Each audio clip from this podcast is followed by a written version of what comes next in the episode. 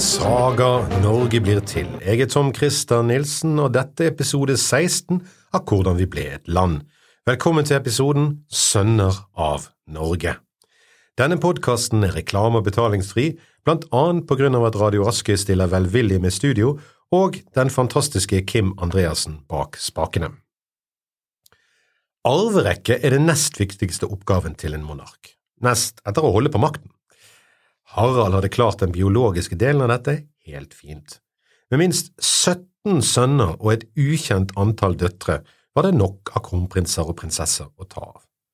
Men som vi tidligere har hørt, vikingtiden var en farlig tid. De fleste menn døde før de var 30, men 17 burde være et godt utgangspunkt for at noen overlevde sin far.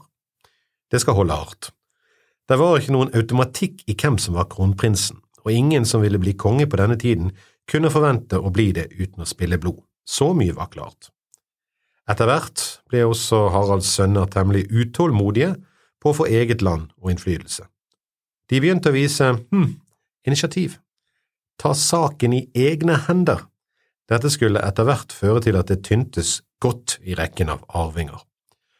Haralds sønner var i ferd med å bli hans største innenrikspolitiske problem. De var en overklasse uten egne titler, en slags vikingtidens snobbete vestkantungdommer som kunne gjøre hva de ville uten at det fikk konsekvenser, for ingen turde å ta i de i frykt for hva faren kunne finne på. Men etter hvert gikk de for langt. De første som fikk føle farens frede, gjorde seg godt fortjent til det. De sønnene Harald hadde fått med Snøfri, var ikke farens favoritter. Harald skammet seg sånn over at Snøfrid hadde fått sånn makt over han, at han hadde, og at han hadde sittet tre år ved hennes lik. Først sendte han de fra seg, men etter å ha blitt overtalt tok han de inn i varmen igjen. De takket han for det på en besynderlig måte. Halvdan og Gurød fikk det for seg at de ville dra til Møre, det er altså navnet på de to sønnene. Så gjorde de, de dro til Møre altså, og mens de var der satte de for godt mål fyr på huset til Ragnvald Møre Jarl, og her gjentar historien seg, ja, så Ragnvald, som i sin tid vant Møre, blant annet ved å sette fyr på et veidslig i Naustdal, brant ironisk nok sjøl inne. Gurød overtok Møre, og Halvdan seil, seilte vestover for å ta over Orkney, uten at noen hadde bedt han om det, eller ønsket han velkommen. Dette var like besynderlig som det var kørka. De to må ha visst at Ragnvald var en av Haralds viktigste allierte og kjæreste venner. Det kan nesten ut som, se ut som de hadde ønsket å såre faren. Daddy issues, no doubt. Det gikk som det måtte gå. Harald mobiliserte, og Gurød måtte strekke våpen. Han ble forvist til Agder. Et liv med bløde konsonanter fulgte, det er så greit, og vi hører ikke mer til han. Halvdan Håleg, som han kaltes, gikk det ikke noe bedre med.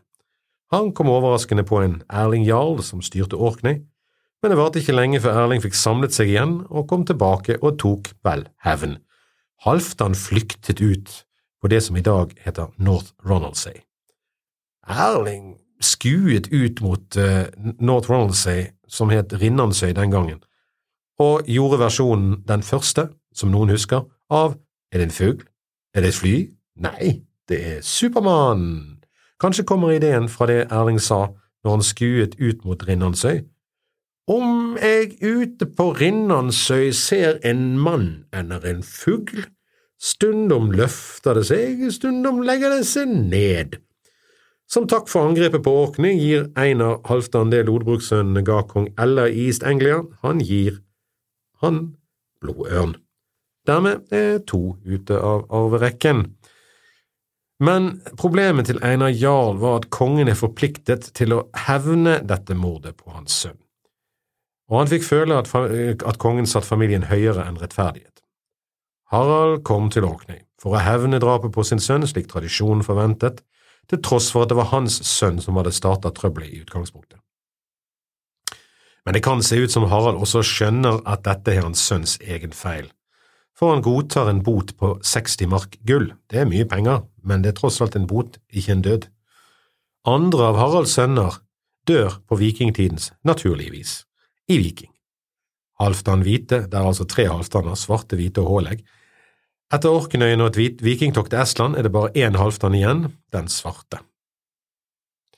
Sønnen Guttorm, navngitt etter Haralds onkel, ble overrasket av Sleipe Solve Klove fra Møre, igjen, ved Jøtaelven. Solve er fortsatt i live ettersom han hadde flyktet fra alle slag. Og Guttorm ble drept av Solve der. Torgils og Frode for vest til Irland der den ene drakk et giftbeger og døde, og den andre ble konge i Dublin en stund helt til irene kom på andre tanker og drepte han. Gurød druknet i et forlis da han forsøkte å runde Jæren i dårlig vær. Slik fortsatte det, de slåss med andre, de slåss med hverandre og av og til med sin far. Sagaene kaller de rett og slett ustyrlige. I et forsøk på å få orden på dette kaller Harald sammen til et stort ting, om ikke akkurat på Eidsvoll, så faktisk i Innlandet. Som svar for havaldere lager Harald en ny maktstruktur i landet. Den var noe komplisert, og løste vel kanskje mindre enn han hadde trodd. Han selv skulle være overkonge og sitte i det høyeste setet. Sønnene hans, og deres sønner etter de, skulle være småkonger over sine områder og sitte ett trinn lavere. Sønner av døtrene skulle få jarletitler sine sitte enda et trinn lavere. Kongens inntekter skulle deles halvt om halvt mellom overkongene og småkongene. Dette var virkelig en invitasjon til Game of Thrones Viking-style. Landet ble på denne måten delt mellom sønnene, som nå fikk selvstendig inntektsgrunnlag og i praksis sine egne folk som de kunne bruke til å reise hærer mot hverandre. Men det var en sønn som ikke fikk noe. Yngste sønnen Håkon kom for seint og ble siden sendt til England, som kjent. Hadde Harald en favoritt? Ja, det hadde han. Og sammen med Harald på Vestlandet bodde han, det var Eirik. Eirik ble sendt på datidens dannelsesreise, det vil si i Viking for å plyndre, herje og handle, med fem langskip da han var tolv. Tilnavnet Blodøks er det noen som mener han fikk da, mens andre mener han fikk det på grunn av det som kommer nå. Harald likte ikke seigmenn, hva var seigmenn? Det var ikke et godteri. Seid var en slags trolldom i grenselandet mellom magi og religion. Den kunne anvendes både til vondt og godt, eller svart og hvit magi om du vil. Det var regnet som svært kraftig kunnskap som kunne gi makt over liv og død. Den kunne ta vettet fra folk og påføre de alle slags ulykker.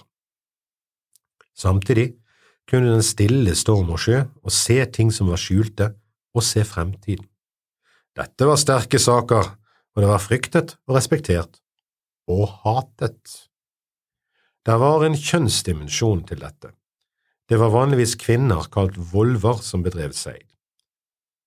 Dersom menn drev seid, var dette et problem. På grunn av kjønnsforventninger ble det sett på som ergi, norrønt for umandig. Menn som drev seid, ble derfor mindre ansett enn kvinner som gjorde det.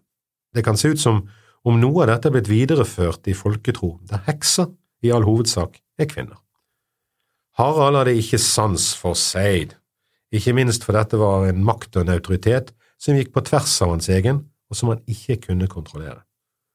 En dag mens han bestemmer seg for å ta knekken på en kjent seigmann, og markerer at hans egen makt, altså Haralds makt, står over seidene, jeg mener, altså det er jo ikke noe problem å bevise, det eneste og endelige beviset er jo at seigmannen ikke klarer å redde seg sjøl ved seid, og blir da, når han forsøker å ta knekken på denne seigmannen, så blir han minnet på at hans egen sønn, Ragnar rett til beinet, også driver den slags. Det setter Harald i en knipe. For å bekrefte egen autoritet må han gjøre noe med sønnen. Han bestemmer seg for å sende sønnen Eirik for å snakke Ragnar til rette. Snakke i overført betydning. Det er vanskelig å vite om Harald skjønner hva Erik vil gjøre, om han faktisk har planlagt dette sammen med Eirik, eller om det er Eirik som viser hm, initiativ. Eirik gjør nemlig det samme som er gjort mange ganger i denne historien, og dette begynner å bli litt kjedelig, kanskje. Han bedriver pyromani. Forklaringen til Eirik er at han kommer til gården til Ragnar, og der er det 80 seigmenn samlet inne i huset. Det høres ut som den dårligste forklaringen i verden, en skikkelig skrøne. 80 mann som bedrev noe som var ansett som umandig. Det finnes nok scenarioer der vi kan se for oss det, men mest sannsynlig så var det noe Eirik fant på. Like fullt, hans bror og alle hans seigmenn brant inne, og dermed er familien seid borte og arverekken ytterligere forkortet. Synes folk dette er galt gjort av Eirik? Nei, tvert imot, han får mye heder for dette. I folks øyne har han fjernet farlige, onde og umandige utvekster. Det er ikke slik vi tenker i dag, Det er ikke slik de burde tenkt da, men det gjorde de. Foreløpig har ikke Eirik gjort noe annet enn det som en kunne forvente av ham, og det er stort sett gitt han ære. Det neste han foretar seg, er muligens det som skaffer han tilnavnet Blodøks. Broren, broren Bjørn med tilnavnet Farmann satt i Tønsberg, og er etter alt å dømme en dyktig handelsmann. På vei hjem til pappa etter et vikingtokt i Østerled stopper Eirik hos sin halvbror. Det er mulig Eirik har fått litt lite utbytte på vikingtoktet sitt, eller at han bare er litt praktisk anlagt. Han ber som bror om å få de skattene han har krevet inn på vegne av kongen, slik at han kan de, ta de med til Harald. Nei, siden han skal samme vei, liksom, praktisk anlagt, som sagt. Bjørn Farmann sier nei. Hvorfor gjør han det? Dette er jo et veldig praktisk forslag, som sparer Bjørn for en strisom seilas rundt Jæren og opp til Harald. Vel, det er to grunner til det.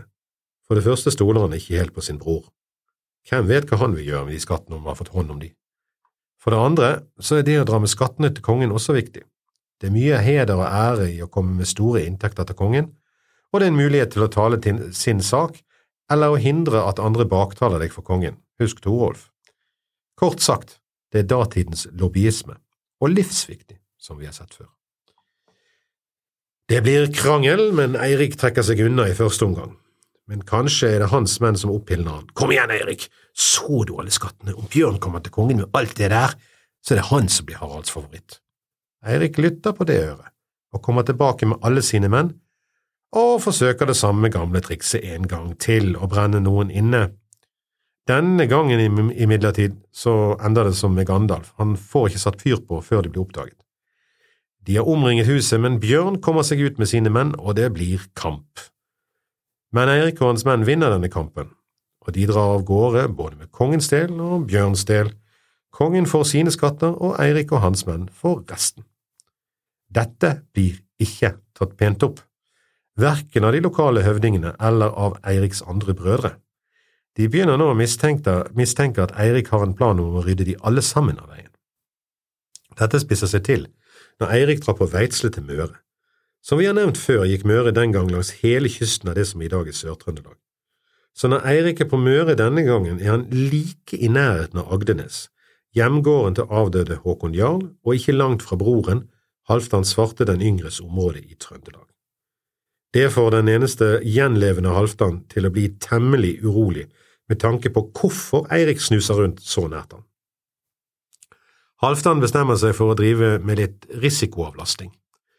Med andre ord, han tar med seg det han kan skaffe av menn og skip, seiler ut til der han vet Eirik er, venter til det mørkner, og ja, du har vel gjettet det nå, tenner på husene på gården. Men Eirik har jo øh, gjort dette sjøl, og han er kanskje den første i denne tidsalderen som har skjønt at det er farlig å sove. Eirik har lagt seg derfor i en liten stue bortenfor de andre, og Eirik klarer å flykte til skogs og komme seg unna. Han kaster seg i skipet og seiler rett hjem til pappa og klager sin nød. Dette er en indikasjon på at Eirik har utfordringer. Hans makt og innflytelse er egentlig farens forlengede arm. Det er et dårlig frempeik for hva som kan skje etter farens død. I motsetning til da Eirik brant sin halvbror Bjørn inne, blir Harald nå eitrende forbannet og samler sin hær fra Vestlandet og stevner nordover. Dette er det nærmeste en kommer rein borgerkrig i Haralds rike. På den ene siden står Harald Hårfagre, overkongen som samlet landet, på den andre står hans sønn, ironisk nok med samme navn og tilnavn som hans far. Dette er dramatisk, for som tidligere nevnt, det er i Trøndelag det finnes flest folk på minst område. Det er ikke gitt hvem som vil komme seirende ut av dette, vestlandshæren eller trønderhæren, Bergen mot Trondheim, Brann mot Rosenborg. Men flaksen var på Norges side denne gangen også. Hos Halvdan var en skald. Han heter Guttorm Sindre. Navnet er ikke så viktig, men han hadde en gang laget skallekvad for de begge, både Harald og Halvdan. De hadde bydd ham lønn for det, men Guttorm var, som en annen Guttorm i denne historien, en smarting. Han tenkte seg nok at en sånn lønn kunne komme godt med i fremtiden, så han brukte det som forsikring. Han fikk de til å love at de skyldte han en tjeneste. Og det brukte han nå for det det var verd, og på et veldig godt vis. Han gikk til begge to og ba om at som lønn for kvadet skulle de gi ham fred. Med andre ord, droppe kampen og komme til enighet. og det gjorde de. Sjelden har et kvad spart verden for så mye død og lidelse. Han var på en måte den fagre Helenas antitese, men Harald stilte et krav, Halvdan måtte la sin bror Eirik være i fred. Det gikk han med på, mot å beholde sin stilling i Trøndelag. Så dro de alle hjem og var enige om at det hadde vært en fin tur. Men nå begynner det å lakke og li for Harald. Vi vet ikke om den samme lidelsen som gjorde at han satt tre år ved sin døde kones seng, eller om det er noe nytt. Men med sagaenes omskrivning kan det se ut som om Harald rett og slett blir noe dement på sine eldre dager. Etter å ha holdt på makten i mer eller mindre 60 år, setter han nå Eirik Blodøks i sitt sted mens han ennå lever. Han abdiserer på en måte. Hvorfor peker han på Eirik? Jo, mest sannsynlig fordi Eirik er den eneste som har en mor som også er av kongsslekt, og Eirik har koblinger til danene. Det Harald ikke tenkte på, var at det også ga danen et lodd i arvelotteriet over Norge. Dette liker hans gjenværende brødre svært lite. I Trøndelag sitter Halvdan og skuler og utnevner, utnevner seg sjøl til konge, inntil han etter alt å dømme blir forgiftet og dør. Ryktet vil ha det til at det er Eiriks kone som står bak. Men trønderne vil ikke vite av Eirik selv om broren er død, og en annen bror, Sigrød, blir tatt til konge der. I Viken er de heller ikke begeistret, og der er det halvbroren Olav som blir tatt til konge. Like før Haralds død ser altså hans samlingsverk ut til å falle fra hverandre i tre deler. Så lenge Harald lever, anerkjenner de i hvert fall i teorien hans overhøyhet, men etter tre, tre år dør samlingskongen. Harald er ikke mer. Etter tradisjonen hauglegges han ved Karmsundet. Om det var øst eller vest for sundet, vet vi ikke. Haraldsstøtten står omtrent der en trodde det var etter sagaen, men de fleste er nå enige om at det mest sannsynlig var på andre siden av sundet. Hvorfor Karmsund? Jo, dette var den viktigste tollstasjonen eller bompengeboden langs kysten. Herfra hentet Harald store deler av sin inntekt. Her blir han haulagt av Eirik. Ingen ber om å få hans likdeler som farens. Likevel ser en hans mors, Ragnhilds, drøm igjen i hans død den blodrøde roten, hans tidlige år med kamp og krig, den grønne midten, der han bygget sitt rike, og den hvite toppen, der, han, der hans hår ble hvitt etter et langt liv. Treet Ragnhild drømte om, og dets mange kvister og greiner viste, hans etterkommere som spredte seg ut over hele Norges rike. Men nå er kongen død. Leve kongen! Men hvem er kongen? Eirik er utpekt av Harald, Sigrid av trønderne og Olav av vikværingene. Men dette landet er ikke stort nok for alle tre, skal det vise seg. Hvem blinker først, og hvor blinkes det? I England sitter yngste sønn Håkon uten hær og penger og vil hjem når han hører at faren er død. Blir det Eirik, Sigrød eller Olav? Håkon kan det jo ikke bli, han er jo ikke engang i landet. Sigrød sitter på den mest folkerike delen i Trøndelag. Eirik på den rikeste delen, med tollstasjoner langs vestlandskysten. Olav sitter på området med strategisk dybde, men også med flest fiender rundt seg. Håkon sitter i et langskip på vei fra England. For første gang i vår historie er Harald Hårfagre, Harald Luva, ute av bildet. Historien om hvem av hans sønner som står igjen som kongen når støvet legger seg, er så fullt av overraskende vendinger at den like gjerne kunne være hentet fra Game of Thrones. I neste episode får du høre hvordan Norge ble samlet sammen igjen. Alle de fire Haraldssønnene har sitt øyeblikk der de ser ut til å vinne, men bare én kan stå igjen til slutt og den som står igjen, bør helst være god, skikkelig god. Det var denne episoden. Jeg er Tom Christer Nilsen, og bak spakene har Kim Andreassen styrt showet. Har du spørsmål eller kommentarer, send de til tom.christer.gmail.com. Neste gang får du høre hvem som samler Norge igjen i episoden, og så var det bare én igjen. Igjen.